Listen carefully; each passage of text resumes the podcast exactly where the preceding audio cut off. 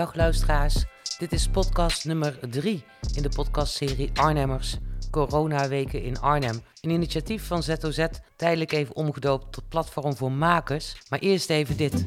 Was je handen? Deze podcast is terug te vinden via Apple Podcast, Soundcloud en Spotify. En op social media zijn we te volgen via de open Facebookgroep Coronaweken in Arnhem. Vandaag gaat ZOZ-teamlid Tim Lenders in gesprek met Tamar Harosh, die in de zorg werkzaam is. Of eigenlijk in de geestelijke gezondheidszorg vooral. En dat heeft ook consequenties. Tim en Tamar praten over wat het betekent om op dit moment in de zorg te werken en hoe hun toekomst eruit ziet. Tim, take it away. Het is 19 maart 2020. Wij zitten hier in Arnhem en ik ben Tim Lenders, die namens ZOZ, Platform voor Debat, Coronaweken in Arnhem, een interview heb met mensen die de crisis meemaken. Hallo, wie ben jij? Hallo, ik ben uh, Tamar Harosh. Ik ben uh, 26 jaar. Ik ben een geboren en getogen Arnhemmer. Arnhem-Noord of Zuid? Arnhem-Noord, ja. Ik Arnhem-Noord. Aan de Sint-Peterlaan naast het Sonsbeek ben ik geboren. En vaak verhuisd, maar binnen Arnhem-Noord. En nu, waar woon jij nu? Ik woon nu uh, in, het voormalig, uh, in de voormalige club The Mansion. En dat is, uh, waar ligt dat? Dat ligt in het centrum. we kijken uit op de Nelson Mandela-brug. Wij kunnen dit interview gewoon afnemen face-to-face. Hoe komt dat?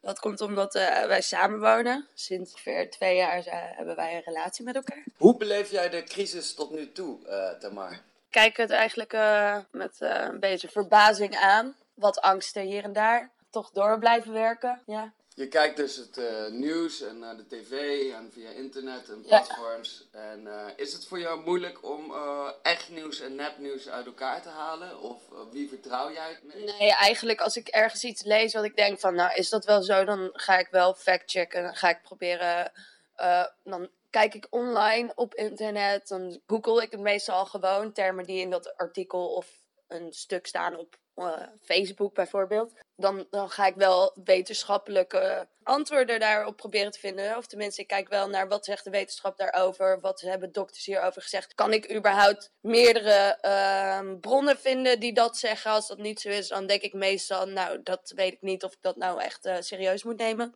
Ja, ik, ik, ik, hou er sowieso meer van om wel gewoon echt uh, feiten en cijfers en dingen die wel ergens gebaseerd op zijn ik neem niet zomaar alles aan, zeker niet. En um, wat is jouw werk? Ja, ik werk in de zorg.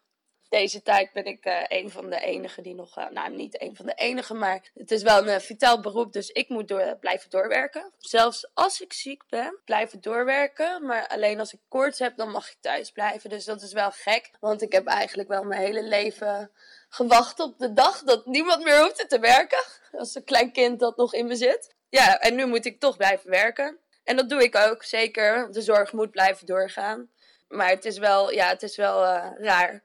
En uh, werk je dan aan ziekenhuisbedden? werk je in het Rijnstaten waar jij uh, zieke mensen verpleegt? Ik, uh, ik ben uh, flexwerker in de zorg en dat betekent dat uh, overal waar ze een invaller nodig hebben, dus als, iemand, als er een collega ziek is, dan kom ik en ik krijg een dienst van die plek door, dan kom ik daar. En het zijn vooral verschillende, zijn allemaal locaties, verschillende locaties en het is, het is eigenlijk de GGZ, dus de, gezond, de geestelijke gezondheidszorg. Dus ik werk met veel verstandelijk beperkten, maar ook delictplegers, jeugdgroepen, gehandicapte bejaarden. Ja, eigenlijk van jong naar oud en allerlei verschillende problematiek. Je denkt nu de nood is het hoogste aan uh, ziekenhuisbedden, maar op het moment dat jij er niet meer bent, dan, dan hebben heel veel mensen ook een probleem. Die direct met corona heeft te maken, is dat? Dat klopt, want uh, er zijn heel veel cliënten, of er zijn heel veel uh, mensen die wonen in een instelling. Bijvoorbeeld ook door, er zijn ook sommigen die een RM hebben en dan is er door de rechter bepaald dat ze daar moeten blijven en dat ze niet alleen weg mogen. Dus die kunnen ook niet zomaar. Die, de zorg moet blijven doorgaan. Mensen moeten komen collega's en ik moeten blijven komen om die mensen te begeleiden. Want je kan ze daar moeilijk laten zitten. Uh, hebben jullie op werk uh, beschermende kleding, hands, uh, handschoentjes of mondkapjes? Of hoe gaat dat in zijn werk? Ik ben het nog niet tegengekomen. Uh, we krijgen niet extra bescherming. Uh, natuurlijk zijn er altijd handschoentjes op werk, want je moet nog wel eens de persoon onder de douche helpen. Dat doe je altijd netjes met handen, uh, handschoenen aan. Je raakt een persoon natuurlijk wel aan, maar met handschoentjes maakt dat minder persoonlijk. En is het, dan komt er ook geen uh, achterliggende gedachte bij natuurlijk. Het, je, je maakt iemand schoon. Ik, ik, je hebt ook ervaring met, met zorg. Ik denk dat je daar ook wel handschoentjes misschien voor gebruikte. Ja, voor het uh, billen afvegen ja, en precies. het uh, Nou, insmeren van doorliggingswonden en dat soort Ja. uh, ongein. Dus daar worden altijd handschoentjes voor gebruikt. Maar ik heb nog niemand gezien die echt met handschoenen continu werkt. Eh, mondkapjes ben ik nog niet tegengekomen, helemaal niet. En voor de rest van die hele maanpakken of zo, echt niet. Ja, dat, ik denk dat we dan wel risico lopen, maar ja. Ik denk ook dat de mondkapjes ook op sommige plaatsen nu zo schaars zijn en zo nodig zijn. Dat is ook een beetje... Ik zou me schamen als ik eh, een eh, lading mondkapjes thuis had. Ik werk wel in de zorg en ik, ik riskeer wel mezelf of anderen, want je weet het niet wie, wie het heeft of, of je het hebt. Als je, als je geen symptomen hebt, dan kan je nog steeds iemand besmetten. Dus dat vind ik wel eh, eng. Maak jij je eigenlijk eh, zorgen over jezelf? Nou ja, ik heb niet altijd het beste immuunsysteem gehad. Veel ontstekingen en dat soort dingen. Veel pijntjes en vaak ziek, hoesten en dat soort dingen. Maar op zich, ik ben nog wel jong, dus ik maak me over zelf niet heel veel zorgen dat ik echt kom te overlijden. Nou, weet je het maar nooit. Maar waar ik het meest bang voor ben, is dat ik mensen besmet. Waaronder mijn ouders. Omdat die toch eh, in een risicogroep zitten qua leeftijd en qua gezondheid. Maar ook, ik ben ook bang, want ik, ik werk op allerlei verschillende locaties. Dus in verschillende steden en dorpen. En ik reis met het openbaar vervoer. Stel dat ik het heb, dan besmet ik zoveel mensen op verschillende plekken. En in z- ik, ja, ik ben daar wel bang voor, ja. Maar voor mezelf, voor mijn eigen gezondheid, stress ik hem nog niet te veel. Nee. Zoals eh, de meeste jongeren ehm, eigenlijk. Stel, we gaan straks in een lockdown en eh, je kan niet meer werken omdat openbaar vervoer eruit is. Ben je bang om met eh, ons samen, met ons tweeën in een huis te zitten de hele tijd? Denk je dat onze relatie daarvoor bestemd is? Ik denk, wij zitten best wel vaak op elkaars lip. Dat kunnen we denk ik wel aan. Financieel gezien maak ik me meer zorgen. Dat hier niet kan werken? jij kan niet werken, al je opdrachten zijn weggevallen. Ja, eh, dat, dat is gewoon wel een, een stressdingetje. Want we, ja, we hebben wel eh, een mooi huis op zich. Of nou, op zich, het is gewoon een mooi huis, mooi mooie ja. locatie. En daar betaal je wel voor. Maar ja, er valt nu gewoon één... eh, Zekerheid. ja, zeker. En nu komt het een beetje op mij af. Is dat prima. Maar ik denk dat.